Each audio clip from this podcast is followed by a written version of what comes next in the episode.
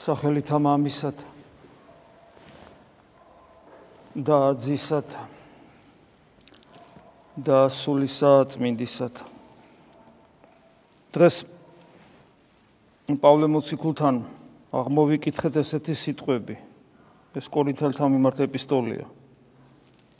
ჩემო საყვარელნო განვიწმინდოთ ხორცისა და სულის ყოველგვარი ბიწისგან და ღმრთის მოშიშებით სრულყოთ ჩვენი სიწმინდე.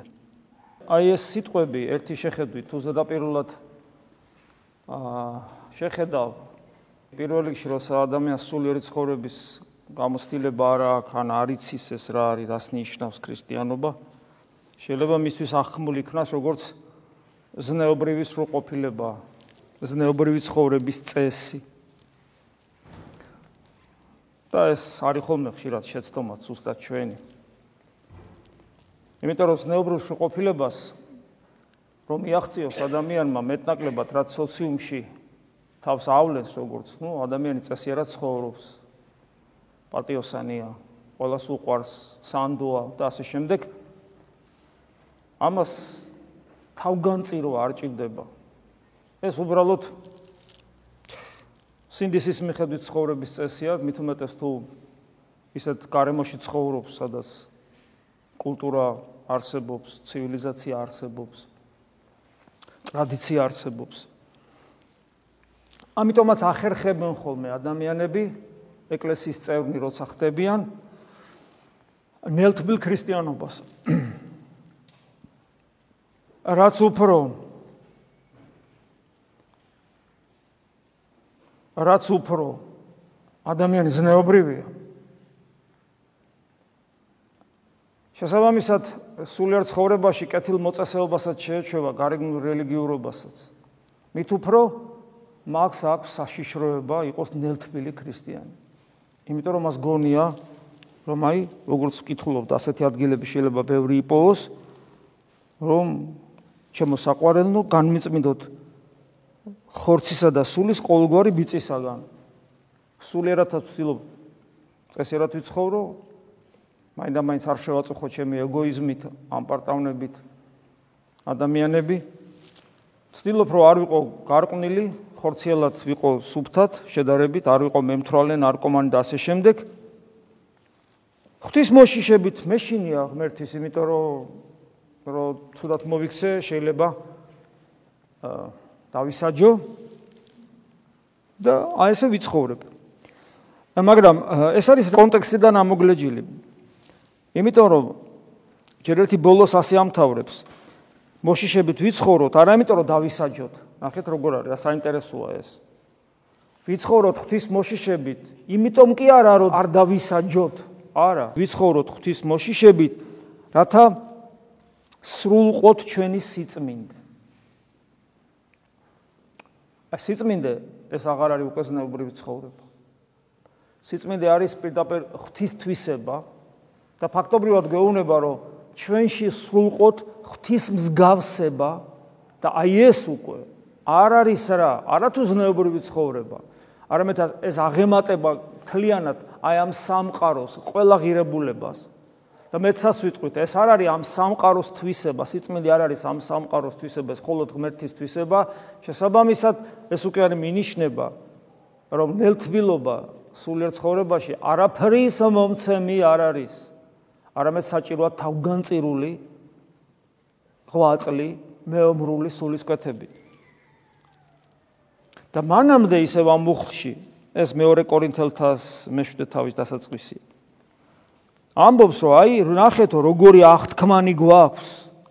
და როცა ასეთი აღთქმები გვაქვსო და რა აღთქმები და მაშინ უნდა ვიცხოვროთ ესე საყვარელნო განვიწმინდოთ თავი და ასე შემდეგ და რა აღთქმებზია საუბარი ესეც წავიკითხეთ ჩვენ დღეს. აღთქმა ესე არის ესეთია. უფალი ამბობს ეს ძველი აღთქმის ძველი აღთქმის სიტყვებია, რომელიც რეალიზება მოხდა ახალ აღთქმაში, როცა ჩვენ მოგვეცა ხელმწიფება, ძალაუფლება ღვთისშვილობისა. იმიტომ რომ ღვთისშვილობა ეს არის ძალაუფლება და ძალაუფლების შესაბამისი ვალდებულება, რომელიც რომელიც მოგვეცა ღვთისაგან როგორც საჩუქარი მას შემდეგ რაც ღმერთი ადამიანად მოვიდა. ეს არის ბმაში, ღვთისშილობა ბმაშია ღვთის განკაცებასთან. როცა განკაცებული ძე ღვთისა მოვა და გეტყვის, შენ ჩემი ძმა ხარ, ან ჩემი და ხარ, მეგობარი ხარ. აი აქედან უკვე იწება, აქედან გეძლევა ხელმწიფება, ანუ ძალაუფლება და ვიმეორებ შესაბამისი ვალდებულებით, რომ ღვთისშვილი ხარ. აი ეს არის ეს აღთქმა ზუსტად. ახალი აღთქმა ამაში მდგომარეობს. და არა იმაში, რომ წესები შეასრულო და 64 დაიმსახურო. ეს იყო ძველ აღთქმაში, ეს იყო თქვა ისლამშიც ეგ არის. ქრისტიანობაში ეს არ არის სხვა რამეა ქრისტიანობაში, სხვა რამე. აი ეს ზუსტად არის.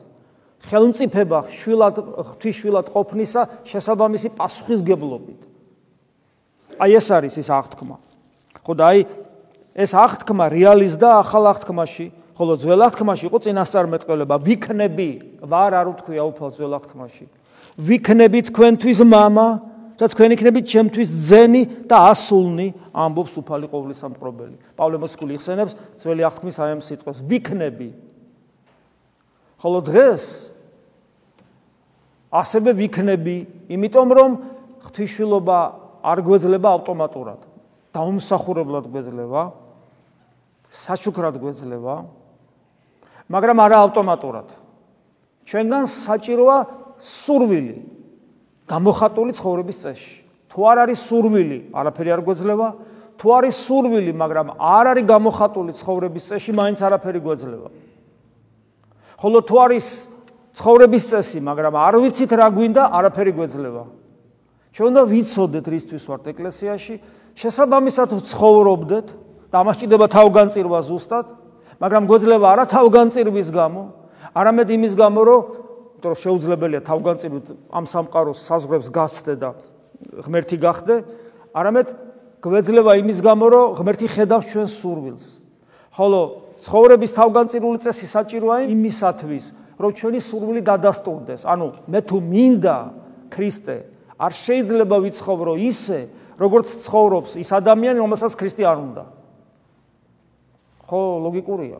აი ადამიანს არ უნდა ქრისტე. რელიგიური შეიძლება იყოს. შეიძლება აქ იდგეს თქვენ შორის, მაგრამ ქრისტე არ უნდა, არის ის ეს რა არის, ვერ გაიგო, ვერ გაიგო. ძალიან ბევრი შემთხვევაა ასეთი. მაგრამ აი როცა გაიგო რა უნდა, მას არ შეუძლია ქრისტეს გარეშე. არ შეუძლია და ეს ცხოვრების წესში ვლინდება პირველ რიგში. ცხოვრების წესში გულისხმობა არა მარტო რელიგიურ და სულიერ წესს, არამედ მოყვასთან ურთიერთობას, მოყვასთან ურთიერთობას. მრავალი მათგანი, მრავალი თქვენ შორის ღმერთთან ურთიერთობის გამოსწორებას რაღაც რელიგიური წესით ცდილობს, მაგრამ მოყვასთან ურთიერთობის გამოსწორებას არ ცდილობს.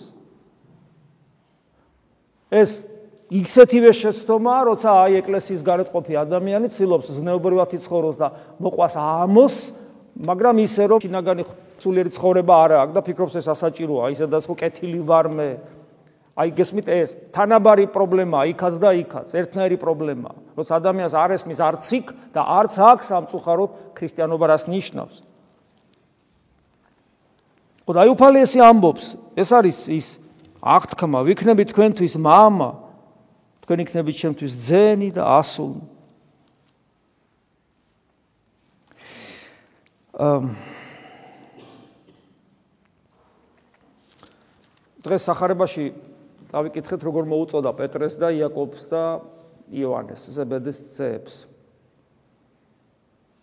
ეს ახეთ რა საოცრება არის? სამივე მეთევზეა, ну მანამდე ანდრიას. მეთევზე, ხო გესმით მეთევზე რას ნიშნავს? ეს არ არის ინტელექტუალურად მაცხოვრებელი ადამიანი. ესეც ხომ იცით რასაც ნიშნავს? ვისაც ცოტათი მაინც ინტელექტუალურად უმუშავია, მან იცის, რომ აი თქვა ადამიანი არის თქვათ მეცნიერი, პედაგოგი, რა ვიცი, ну, უწევს რა ინტელექტუალური ინტელექტუალური შრომაა მისი პროფესია. არის ეგეთი პროფესიები, ხო, რაც ჩამოთვალე და კიდე ბევრი სხვა. აა სტუდენტის პრინციპში ინტელექტუალურად შრომობს. აა ხო გამოგიხდიათ, რომ თქვათ, რამდენიმე თვე რომ არ მოგიწიოს ინტელექტუალური შრომა, არც კითხვა, არც სწავლა, სწავლა ხო სიბერემდია, ეს ეს მართლაც ესია. ან დაწერა, არ მოგიწიოს. გზნობ რომ ტვინი აღარ მუშაობს. ანუ როგორც კულტი სუსტდება, როცა მას ფიზიკური დატვირთვა არ აქვს, ასევე სუსტდება ინტელექტუალური უნარები, როცა ადამიანი ინტელექტუალურად არ შრომობს, არ სწავლობს ახალს და არ წერს შემოქმედებითად იმ წამსვე მას ტვინის კუნთი უსუსტება, მოკლედ რო ვთქვა. ასე. ეხლა წარმოგიდგენიათ ადამიანს, რომელსაც არასოდეს ინტელექტუალურად არ უშრომია. პროფესია აქვს ესეთი, მეთევზეა. რატო ამოირჩია უფალმა ესეთი ადამიანები? არ გიკვირთ. წარმოიდგინეთ. აა როგორი რთულია მიხვდე რა გვწამს ჩვენ? გვწამს და რა გვწამს აბა მე? და რატო ამოერჩია ისეთი ადამიანები, რომლებსაც რომლებსაც ინტელექტუალური შრომაში უნარჩვევები საერთოდ არ ქონდა? რა უნდა გაეგოთ მათ? და ხედავთ წმინდა წელში ბერს ვერაფერს იგებენ. რა ხდება? საქმე იმაშია, რომ ღვთის გაგება, ღმერთის შემეცნება, ეს არის არათეორიული შემეცნება. ხშირად ვამბობთ ხოლმე, თეოლოგია არ არის დოგმატური სახელმძღვანელოს გადაშლა და აა ღმერთი ყოველწმინდა სამება ყოფილა და აა ღმერთი განკაცებულა. აა ეკლესია დაარსა და თუმე მადლია და ასე შემდეგ. ეს არ არის ქრისტიანობა. ეს არის ლამაზი მოძღვრება. მორჩა, არც მეტი, არც ნაკლები. თეოლოგია ანუ ღვთის შემეცნება და ღვთისმოწყალება იწყება ღმერთთან პიროვნული ურთიერთობით. და აი როგორია ხა ღმერთთან ურთიერთობა, რომელიც შეუცნობელია, გამოუთქმელია, უხილავია და მიუწვდომელია, რომელსაც ყოველ წირვაზე ევქარისტიის ლოცვაში ვკითხულობთ. შეუცნობელი, უხილავი, გამოუთქმელი, მიუწვდომელი. ხო ეს უარყოფითი ტერმინები დაახასიათებული რომ ნუ და წმინდა მამებს რო წაიკითხავთ იგივე გრიგოლ ღვთისმეტყველს თქვა დიონისი აროპაკრას გაოგნდებით. აი ჩვენ ხო ვიცით რომ ღმერთი არის ნათელი. ამბობენ ღმერთი არ არის ნათელი. ღმერთი არის სიყვარული, ღმერთი არ არის სიყვარული. ღმერთი არის უმაღლესი ყოფიერება. ღმერთი არ არის ყოფიერება. საერთოდ არაფერი, ანუ დადებითი ტერმინოლოგია ყველაფერი გვერდზე გაწეულია, იმიტომ რომ, იმიტომ რომ ეს დადებითი ტერმინები, ტყუილი კი არ არის, ღმერთის სიყვარულიც არის, ნათელიც, მაგრამ ჩვენში ასოციაციას იწვევს მიწიერი სიყვარულისა და მიწიური მიწიერი ნათლისა და ყოფიერებისა, მიწიერი ყოფიერებისა და ღმერთი არც მიწიერი ყოფიერება, არც მიწიერი ნათელია, არც მიწიერი სიყვარულია, არც მიწიერი არსებობა.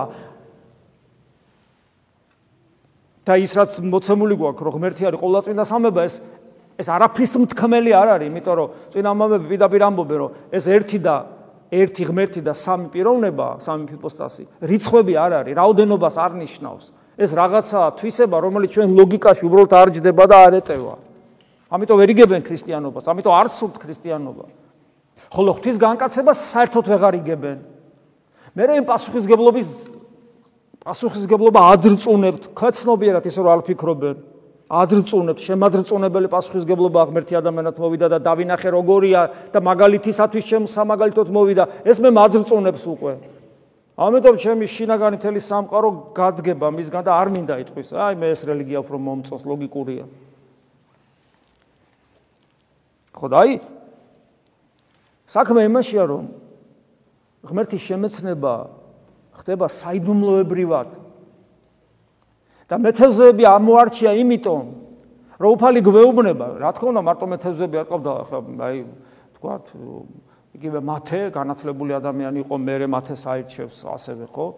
პავლე, ლუკა და რა ვიცი ხა და მე ეკლესიის ისტორიაში რო რო ეკლესიის ისტორიაში რო გადავხედავთ, ისეთ დიდ განათლებულ ადამიანებს ნახავთ, როგორც გრიგოლ პალამა მაგალითად და ნიკოდიმოს თაწმინდელი.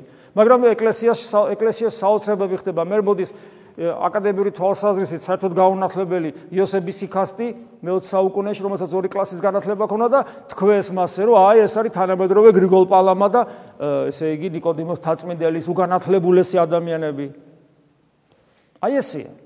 ანუ რაღაც სხვა რამე ხდება, სხვა საიდუმლოება აღესრულება. და აი ამით უფალი გვეუბნება, რომ აი შე რომ მოგწონს თავი, წიგნებს რო კითხულობ, და გაქვს ილუზია, რომ ღვთისმეტყველი ხარ, იმიტომ რომ კითხულობ რაღაცებს და რაღაცებს მე ლაპარაკობ. ეს ილუზია, რომ გაგიქარწყლოს. გეუბნება, გამოირჩია რა ამგვარი მოციქულები, რომლებსაც ინტელექტუალური შრომა საერთოდ არ ქონდათ და დაგანახა, რომ ღმერთის შემეცნება არის საიდუმლოება. იმიტომ რომ იგი როგორი ტვინიც არ უნდა კონდეს, იგი ყოველთვის შეუცნობელი, მიუწვდომელი, გამოუთქმელი იქნება შენთვის, უხილავი იქნება ყოველთვის, ყოველთვის. და ამავე დროს, ამავე დროს, აი ესეთი უხილავი, მიუწვდომელი, შეუცნობელი და გამოუთქმელი ღმერთი შენთვის უნდა გახდეს ხილული. ოღონ ეს ინტელექტუალურად შეუძლებელია. ის სხვა რაღაცა ხდება იქ. სხვა რაღაცა ხდება იქ. აი სხვა რაღაცა გვაკლია ყველაზე მეტად ჩვენ თანამედროვე ქრისტიანებს. ჩვენ ვიქმნით ილუზიას, რომ წავიკითხეთ და რაღაც წესებს ვასრულებთ და ამიტომ ქრისტიანები ვართ და არა ვართ ქრისტიანები, არა ვართ. არა ვართ, იმიტომ რომ იქ ღმერთი არც გარეგნული კეთილმოწესეობით და არც ინტელექტუალური შრომით არ შეიმეცნება. აბა ეს რა საჭიროა? ამას თავისი ადგილი აქვს, ეხლა უბრალოდ უსასრულოდ გავცელდება ჩვენი დრო, მაგრამ ის სხვა რაღაცა თუ არ არის, ამას დანარჩენს აზრი ეკარგება. აი ეს არის, ამიტომაც არის, რომ დღევანდელ სახარებაში ვხედავთ, რომ აა ეს როგორც ზნეობრივი ცხოვრება შეიძლება ეგონოს ადამიანს ქრისტიანობა და ზნეობრივი ცხოვრება, ზნეობის უარყოფა კი არ ხდება. ან ინტელექტის უარყოფა კი არ ხდება, ან გარეგანი კეთილმოწესეობის უარყოფა კი არ ხდება, მაგრამ ეს არ არის საკმარისი. და ზოგ შემთხვევაში საწყისად ეს საერთოდ არ არსებობდა. აი მაგალითად მარიამ ეგვიპტელში, რომელიც ზნეობრივი ცხოვრება არსებობდა საწყისად. ან ავაზაკში რა არსებობდა საერთოდ? საერთოდ რა იყო იქ? ცუდისმეტი თუ რამე იყო? ან მაგალითად პავლე მოციქულთან, რომელ კეთილ მოწესებაზე იყო საუბარი ეკლესიას, ქრისტეს ეკლესიებს არბევდა. ხედავთ? ხედავთ როგორი როგორი როგორი მაგალითები არსებობს ეკლესიის ისტორიაში? ჩვენ როგორ დავიწყეთ? ჩვენ დავიწყეთ ციგნით და ჩვენ დავიწყეთ კეთილმოწესეობით. გვექნება ილუზია, რომ ვართ ქრისტიანები და თუ ის მთავარი არ არის, მე იმედი მაქვს, ბრავალ თქვენგანში ეს მთავარი არის ზუსტად, იმიტომ ხართ აქ, მაგრამ ვამბობ აი ესე, ზოგადად თუ დავიწყე კეთილმოწესეობით და თუ დავიწყე ზნეობრიობით, ინტელექტუალურობით და თუ ის მთავარი არ არის და თუ იმ მთავარს არ ვეძებ, რატო ვლაპარაკობ ამდენს ამ თემებს? იმიტომ რომ ძალიან კარგად ვიცი რომ ესეთი პრობლემა არსებობს და არა მარტო ერის ადამიანებში, არამედ ჩვენში, სამღვდელოებაშიც. როცა ადამიანები იხიბლებიან აი ამ გარეგანი ინტელექტით, კეთილმოწესეობით, ზნეობრიობით, გესმით? და ის მთავარი არ არის. ამას ემატება ხშირად მეორეც, იმ თავარს ებრძვიან, ებრძვიან. და თქვენ თუ ამ ღვთის ბრძოლ სიტყვებს მოისმენთ იმ თავარს როცა ებრძვიან და მიიღებთ. თქვენ დამნაშავეები ხდებით. სტუნებულები კი არა უბრალოდ. შემცდარები კი არა უბრალოდ. აბა თქვენ რა იცოდით? კაცო ესე გასწავლიდან თქვენ დამნაშავეები ხდებით როგორც ბრმა ბრმას აეკიდა და ორმოს ჩავარ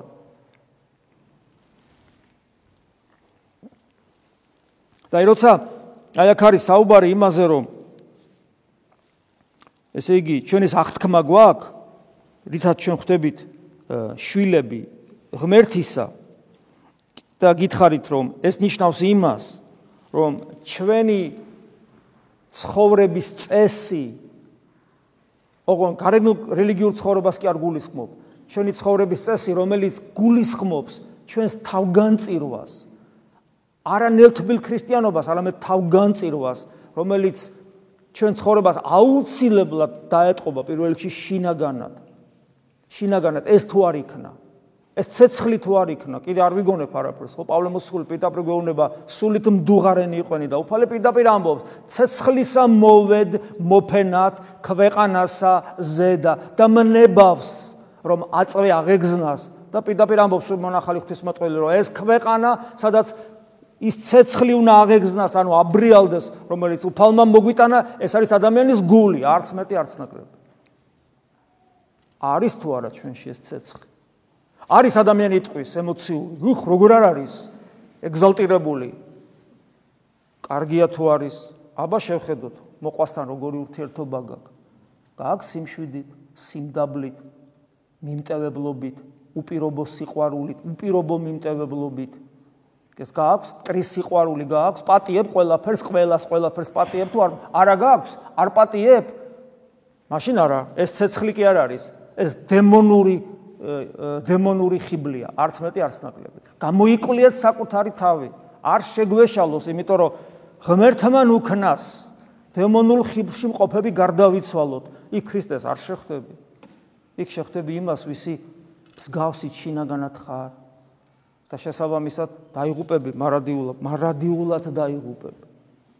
ეს არის აი ეს არ არის ქრისტესულიერი ცხოვრება, არ არის თამაში. ეს არის უდიდესი პასუხისგებლობა. უდიდესი. აი ნახეთ როგორ ამბობს პავლე მოციქული მეორე კორინთელთა ეპისტოლეში. რა თანხმობა აქვს ქრისტეს ბელიართან? ბელიარი ეშმაკის ერთ-ერთი სახელად მოიაზრება. ანუ ბელიარი იყო სიტყვა, რომელიც აღნიშნავდა რაიმეს, რომელიც არაფერში საჭირო არ არის, უაზრობას. და ახლა ამ შემთხვევაში ეს გამოყენებულია როგორც ეშმაკის სახელი. ნახე რა ხე რას ამბობს? იმას კი არ ამბობს, რა თანხმობა აქვს ეშმაკს ანგელოსთან? ან რა რა რა საერთოა რა თანხმობა ამ ამ შემთხვევაში რა რა საერთოა? რა საერთო აქვს ეშმაკს ანგელოსთან, რა საერთო აქვს ეშმაკს ზნეობრივ პატიოსან, ქრისტიანულად მაცხოვრებელ ადამიანს, რა საერთო აქვს? არ ამბობს ესე. ამბობს ქრისტესთან რა საერთო აქვს? რატო ამბობს ესე? იმიტომ რომ ჩვენ სად ვართ? ანუ იქით ეშმაკია და აქეთ ზნეობრივი ადამიანია? იქით ეშმაკია და აქეთ მოწესრიგებული რელიგიური ადამიანია? იქით ეშმაკია და აქეთ ანგელოზია, არა, იქით ეშმაკია და აქეთ მხოლოდ ქრისტეა. ქრისტე მხოლოდ და არძნეობრივი ადამიანია, არც ანგელოზი, არაფერ ქრისტე, ანუ შენში ქრისტე უნდა ცოცხლობდეს. აი ამ აი ამ ასეთ პოლარიზებას აკეთებს პავლე მოციქული. ეს ძალიან მნიშვნელოვანია, რომ ვიცოდეთ. იმიტომ რომ ადამიანი არ გინახავთ, რომ ნუ ეხლა ხო, ნუ ყველა წმინდანი ხო არ იქნება და ნუ აი ძველი მამები ხო და ნუ ეხლა მე როგორ ჩემი მონაზონი ხო არა ვარ ერის ადამიანი ვარ და როგორ ჩემილია ესე ვცხოვრო მონის ფსიქოლოგია ეს. როგორ ჩემილია ეგრე ვცხოვრო ეს არ არის სიმდაბლე. ეს არ არის სიმდაბლე არ მოტყვილდეთ ეს არის მონის ფსიქოლოგია. ვის ემონები დაცემულ ბუნებას ამასოფლის სულს. ვიღაცა ადამიანს იმის ინტერესებს ითვალისწინებ ეშმაკს ვის ემონები როცა ამბობ ამბობ რომ მე საჩემილია მე ხო მონაზონი არა ვარ როცა უფლის სიტყვები იცი იყავით სრულყოფილი როგორც ზეციური мама თქვენი სრულყოფილი აბა სიმდაბლე რა რაღა არის იტყვის ადამიანი სიმდაბლე ის არის რომ ხედავ რომ არა გაქვს სრულყოფილება ხედავ რომ არა გაქვს მოყვასის სიყვარული რომელსაც უფალი ითხოვს შენი თავის ადეკვატური აღქმა არის სიმდაბლე და არა მონური სული არა მე ეგ საჩემილია ჩემი საქმე არ არის ვინ თქვა რომ შენი საქმე არ არის საწაიკითხეთ ეს არ სადარ წაგიკითხავ ეს არის მონის ფსიქიკა სად არის მეომრის სული? მეომარი წარმოგიდგენიათ, რომელიც გამარჯვებაზე არ ოცნებობს? მეომარი, რომელიც რომელიც ღირსებისთვის ღირსებისათვის არის ბრძვის, თუ ისე როგორც გამოუვარა, რაც იქნება იქნება. რაც იქნება იქნება, შეიძლება ეგრე ბრძოლა. ამიტომაც აი ესე ამბობს. რა საერთოა ქრისტეს ეშმაკთან? და ეს რომ ზუსტად ამაზეა საუბარი, ნახეთ აგზელებს. ან რა წილი აქვს მორწმუნეს ურწმუნოსთან? ქრისტეს რა საერთო აქვს ეშმაკთან და მორწმუნეს ურწმუნოსთან. რა გამოდის? რომ მორწმუნე არის ვინც ვისშიც ქრისტე ცხოვრობს და არა უბრალოდ ზნეობრივი ადამიანი, ხოლო ურწმუნოა ის ის კი არა ვისაც ნუ რაღაც ვერ მოახერხა რა სულიერი ცხოვრება, არამედ ვისშიც ეშმაკი ცხოვრობს. და გვითქვავს ხო? გვითქვავს, რომ ეშმაკი საკუთარ სახლად ჩვენ კი არ გვითქვავს, უფალი ამბობს წმინდა წერილში. ეშმაკი ადამიანს საკუთარ სახლად აღიქვავს. და კიდევ ერთხელ არის ეს ეს პოლარიზაცია. ან ქრისტე ცხოვრობს შენში, ან ეშმაკი ცხოვრობს. რა შუალედური არ არის? არ არის. არ არის შუალედი. არ არსებობს მესამე მითხარით, ვინ უნდა იცხოვროს ეს გამაგებინა? ვინ უნდა იცხოვროს შენში? ეშმაკი განა ვინმეს მისცემს უფლებას, რომ მის სახლში როცა ასეთად გთulis, მის სახლში ვინმე შეუშვას. ვინ უნდა იცხოვროს? ერთადერთი ქრისტეს ეშინია მას, სხვა არაფერს. აბა რატო ვერ გზნობ რო ეშმაკი ცხოვრობს შენში? დააკვირდი კარგად საკუთარ თავს. შენ ეგოიზმს, შენს ანგარებას, შენს პატივმოყვარეობას, ცუდ მიდრეკილებებს, ეს ვისი თვისებებია? და წინა მამები ესე გვასწავლიან, ეს თვისებები თუ არის შენში, შენში დემონი ცხოვრობს. და ჩვენი მთელი აი როცა ადამიანი ასკეზის დანიშნულება რა რას ვებრძვით ჩვენ? რაში ასკეზა ვარჯიშს ნიშნავ და ბძოლა და რას ვებრძვით ასკეტური რატო იქ მარხვა იქნება თუ ღამის გატეხვა იქნება თუ ესე იგი მუდამ საკუთარი თავის კონტროლი იქნება? რას ვებრძვით? რას? ეშმაკს ვებრძვით? რომელიც ჩვენს დასემული უნების თვისებებს იყენებს და ისე შემოდის რომ ჩვენ არც გვეკითხება ადრე გითხარით, ხო ღორში რო შევიდეს, უფლისაგან ნებართვა უნდა და ადამიანში რო შევიდეს ნებართვა არავისი არ ჭირდება, იმიტომ რომ იმ ადამიანის ნებართვა აქვს მას უკვე. უკვე აქვს ადამიანის ნებართვა. მე რეაგზელებს რა აქვს საერთო ღმერთის ტაძარს კერპებთან? და თუ რაღაცა ადამიანმა იფიქრა რომ ეს მე არ მეხება, აგრძელებს. რადგან თქვენ ხართ ცოცხალი ღმერთის ტაძარი, ესე გვეხება. როცა ამბობს ტაძარზე, არ ლაპარაკობს ქვის ტაძარზე. როცა ამბობს ტაძარს გულისხმობს ქრისტიანს, რომელშიც ქრისტე უნდა მკვიდრობდეს, იმიტომ რომ თქვენ ტაძარნი უფლისანი ხართ, ხოლო როცა ამბობს კერპს, გულისხმობს ისევ ადამიანს, რომელშიც ეშმაკი მკვიდრობს, რა საერთო აქვს? ანუ გესმით, არ შეიძლება, რომ ჩვენ ჩვენ თავში აი სიფხიზლის და ღვიძარების სათნოება რო როცა ადამიანი მუდამ მუდმივ მონიტორინგს ატარებს საკუთარ გულზე, უყურებს რა ხდება შიგნით, რა ხდება. ამიტომ ეს გონებისმიერი მოუკლებელი ლოცვა, ლოცვის ერთ-ერთი ناقოფი, ერთ-ერთი ناقოფი ეგ არის, რომ არ გამოეპაროს რამე ის უცხო არსება, უცხო ის საშნელი არსება არ შემოძვრეს. გესმის იმ იმ ჩვენ განუწმენდავი გული მას იზიდავს. და ისე შემოდის ვერ გძნობ და ისო მონიტორინგს აკეთებ და თან მოუხმობ, მოუხმობ, მოუხმობ, რომ გულის განწმენდის პროცესი დაიწყოს. და გულის გაწმენდის პროცესის შესაბამისად მადლი შემოდის, მადლის განცდა ადამიანს აქვს, აქვს მადლის განცდა. შესაბამისად ის უკვე ღმერთს ხედავს გულის მიერა და ასე შემდეგ. ეს არის პროცესი.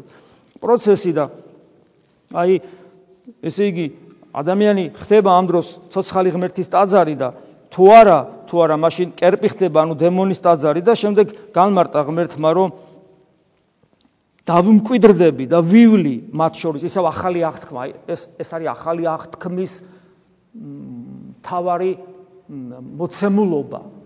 თავარი მოცემულობა ადრე გითხარით გახსოვთ ძველ აღთქმაში აბრაამთან დებს აღთქმას და ისააკთან იაკობთან და ახალ აღთქმაში ყველასთან დადებულია ეს აღთქმა.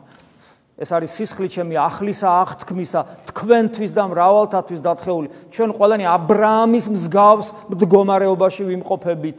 ა ブラ ამის მემკვიდრენი ვართ სულიერად აღთქმა აღთქმა დადებული ღმერთ თითოეულ ადამიანს ჩვენთან და თითოეულ თითოეულ ადამიანთან ღმერთ ჩვენთან და ამიტომაც ამიტომაც ამბობს ძველ აღთქმაში რომელიც ახლა ახსრულდა დამკვიდრდები და ვივლი მათ შორის და ვიქნები მათი ღმერთი და ისინი იქნებიან ჩემი ხალხი. და აი ამ ყველაფერს ჭირდება პირველ რიგში წმინდა გული გული წმინდაი დაბადეთ ჩემთან აღმერთო. და ტარიყვნენ წმინდანი გულით. ჭირდება წმინდა გული რომლის განწმენდაც ხდება უპირველეს ყოვლისა არა ინტელექტუალური შემეცნებით. აი მეთევზეებად რო არჩევს ამასაც გვეუბნება. არამედ სხვა რაღაცით. და ეს სხვა რაღაცა სქვია რწმენა. და რწმენა არის საოცარი ნიჭი ღმერთისაგან, რომელიც ჩვენ უნდა განვავითაროთ ჩვენში და გავაცოცხლოთ. იმიტომ რომ კიდევ ვიმეორებ ჩვენისათი დიდებული გამოცხადების წინაშე ვდგავართ. აი წაღანას გითხარით, აი ყოვლადწმინდა სამება. ეს უბრალოდ ჩვენ იცით რომ აი ეს მონოთეისტური რელიგიების წარმომადგენლები დაგფცინიან. ზოგი ბრაზდება ჩვენზე და ამბობს რომ მათო წარმართობა აღორძინეს. ფათაშორის აი ეს ქრისტიანებს თავებს რო კვეთდნენ აა როცა შეიქმნა ის სახელმწიფო აზიაში რამდენი წლების იქით ისლამური სახელმწიფო ერქვა თუ არ ვსწრები თავებს რო კვეთდნენ ერთ-ერთი კი თვითონ მუსულმანები კი ემიჯნებიან ესეთ აგრესიას მაგრამ ნუ ამ შემთხვევაში ასე ამბობენ ხოლმე რომ ეს არ არის სწორი და რაღაცა მაგრამ ეს მათ გაარჩიონ მაგრამ ეს ხო რამეს ვამბობ იქ ერთ-ერთი ჯალათის ინტერვიუ იყო იმ წლების იმ პერიოდში და საკუთარი ღირსების შეგრძნებით ამბობდა ამას, რომ მე იმ ქრისტიანს თავს რო კვეთდიო, მრავალღმერთიანობის სახელს ამბობდაო.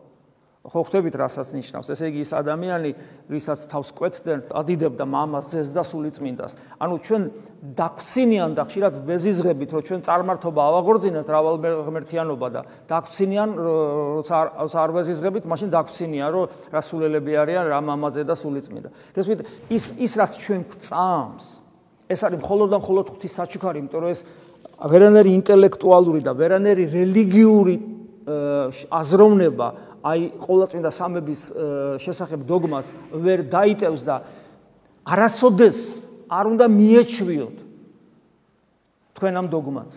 ყოველთვის უნდა განცვიფრებულები იყოთ. ყოველთვის უნდა განცვიფრებულები იყოთ. ეს რა მწამს? ეს როგორ მწამს? ეს რას ნიშნავს? თან თან თან საოცარ ნახე როგორ ბრმაშია. მხოლოდ ასეთი ღმერთი არის სიყვარული. თუ ღმერთის ხვანერი ეგი სიყვარული არ არის და რა განსაცვიფრებელი სასწაულია არც ერთ არც ერთ რელიგიაში არ არის ეს თეზისი. აი დღეს იოანე მოციქულის ხსენება და იოანე მოციქული ამბობს უბრალოდ ამას. ღმერთი არის სიყვარული და არც ერთი სარწმუნოება ამას არ ამბობს თავის ეგრეთ წოდებულ წმინდა წიგნებში. არც ერთი, მხოლოდ და მხოლოდ ქრისტიანობა. ეს პირდაპირ ბმაშია ღვთისმოწყალები განმარტავენ, ეს პირდაპირ ბმაშია იმ გამოცხადებასთან, რომ ღმერთი ყოვლადწმინდა სამებაა, რომელიც ჩვენ ქრისტიანობა მივიღეთ.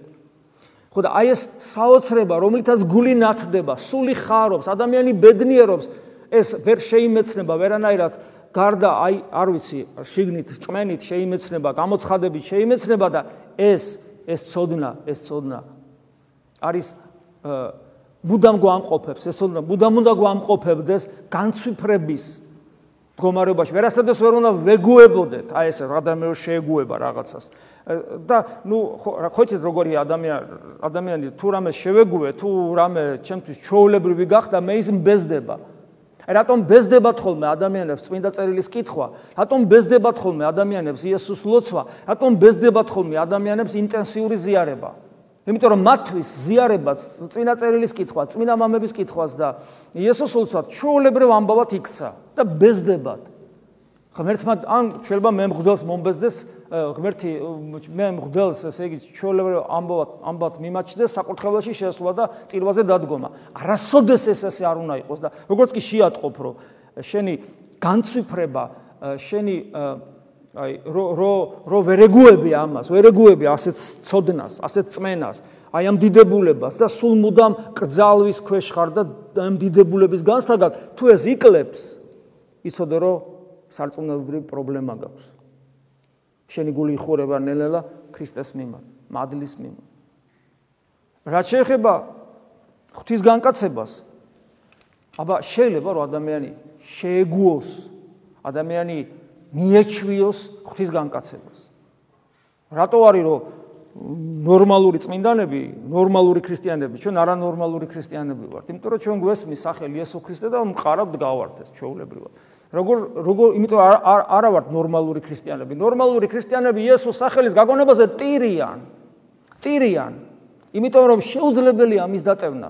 წარმოგიდგენიათ, აი ხშირად ვარსკვლავები, ვარსკვლავებზე დიდებული რა არის, რა ვიცი, აბა ეს აი აი დიდი დათვის თანავარსკვლავები ვინ შექმნა, ის არის იესო ქრისტე, რომელიც მოდის და გელაპარაკება, თავის სიტყვა დაგიტოვა. შენს გვერდზე დადიოდა, ჭამდა, სვავდა შენთან ერთად და მე ვაფურთხეთ, ვცემე და მოვყალი და ეს ის არის, ვინც ის შექმნა, გესმით და ამას როგორ უნდა შეეგუო? ამას ეს როგორ უნდა დაიტიო? ამას როგორ უნდა მიხვდე ეს რა არის საერთოდ? და ეს როგორ უნდა იყოს გულარხეინად, რომ აი ეს იცი, ხო და ნუ ხო, კარგია, მოხდა და ამ დღეს არ წავალ წირვაზე მოდი. ან დღეს ახლა დამეზარა ლოცვა. წმინდა წერილის წმინდა მამების კითხვა. და მოყვასი პატარათი შემეხვა ასე დამიბღვირა და დავამხე თავზე ყველაფერი მას. იმიტომ რომ კი ქრისტე მეუნება არაო, მაგრამ ეხა ნუ იმიტომ რომ გავიწყდება, გავიწყდება, შეგუებული ხარ. ქრისტიანის სახელს შეგუებული ხარ, ზიარებას შეგუებული ხარ. ეს ზიარების ბრალი არ არის არც ქრისტეს სახელის. ეგრე იუდაც ეზიარა და ეშმაკი შეუშვა გულში. ამიტომ აა ღმერთმა ნუქნას რომ ჩვენ ვიყოთ ნელთბილი ადამიანების სარწმუნოებაში ადამიანები რომლებიც ეჩვევიან ყოვლადწმიდა სამება ღმერთის შესახებ სწავლებას ადამიანები რომლებიც ღვთის განკაცებას ესე ჩვეულებრივად უყურებენ. ღდლები, რომლებიც თქვა საკურთხეველში გულარხეინად შედიან, გამოდიან და გულგრილად წირავენ. მრევლის წევრები, რომლებიც საკუთარი თავზე დიდი იძულებით და ამიტომ ესე იგი ხშირად ღმერთმა დაგვიფაროს ამისაგან. არ მივცეთ ამის უფლება საკუთარ თავს. იმიტომ რომ კი მესმის ადამიანს ხანდახან ეს აპოგია აქვს სულიერი ცხოვრების და ხან ესე იგი ეს გრაფიკი ქვემოთ ჩამოდის. და საერთოდ სწორხაზოვანი ჩვენი ღმერთისაკენ სვლა სამწუხაროდ არ არის. ჩვენ ეს რყევები გვახასიათებს, მაგრამ ღმერთმა დაგვიფაროს, რომ ჩვენ იმ დროს გარდავიცვალოთ, როცა ჩვენი სულიერი მდგომარეობა იქნება ქვედა პოლუსზე მინუსებში. ამიტომ რაც შეიძლება იშვიათი უნდა იყოს ეს ჩავარდნები. იმიტომ რომ უფალმა წმინდა წერილში გაგვაფრთხილა, როგორც გიპოვი, ეგრე განგჟი. ეს გაგვაფრთხილა იმიტომ, რომ მოდუნებულები არ ვიყოთ. არ გვეგონოს, რომ აი ჯერ ერთი 20 წელი კიდე მაქვს და იქ მე ბოლოს სპრინტერივით თუ მარათონის მოურბენალივით დუნეთ ვირბინე ვირბინე ვირბინე ვირბინე და ბოლოს მოუმატე. აი ეგ არ გვეგონოს, იმიტომ რომ მარათონის მოურბენალმა იცის ფინიშის ხაზი სად არის და არც შენ არ იცი ფინიშის ხაზი სად არის და არც მე არ ვიცი და არც არავინ არ იცის ჩვენი ფინიშის ხაზი სად არის. ამიტომ მუდამ უნდა აქტიურები ვიყოთ სულიერ ცხოვრებაში. ეს ადვილი არ არის მესმის. თელი სამყარო იბრძვის ასეთი ადამიანის წინააღმდეგ, ვისაც ეს უნდა, მაგრამ მახსენდება პავლეს სიტყვები. ვინ განმაშოროს მე სიყვარულსა ქრისტესა? აი ეს უნდა გქონდეთ შინაგანად, აი როგორც მოწოდება და არასოდეს არ უნდა დაივიწყოთ ეს. შეგვეციოს უფალი. მადლი უფლისა ჩვენისა იესო ქრისტეს. და სიყვარული ღვთისა და მამის. და ზიარება სულისა წმინდისა იყოს თქვენ ყოველთა თანა ამინ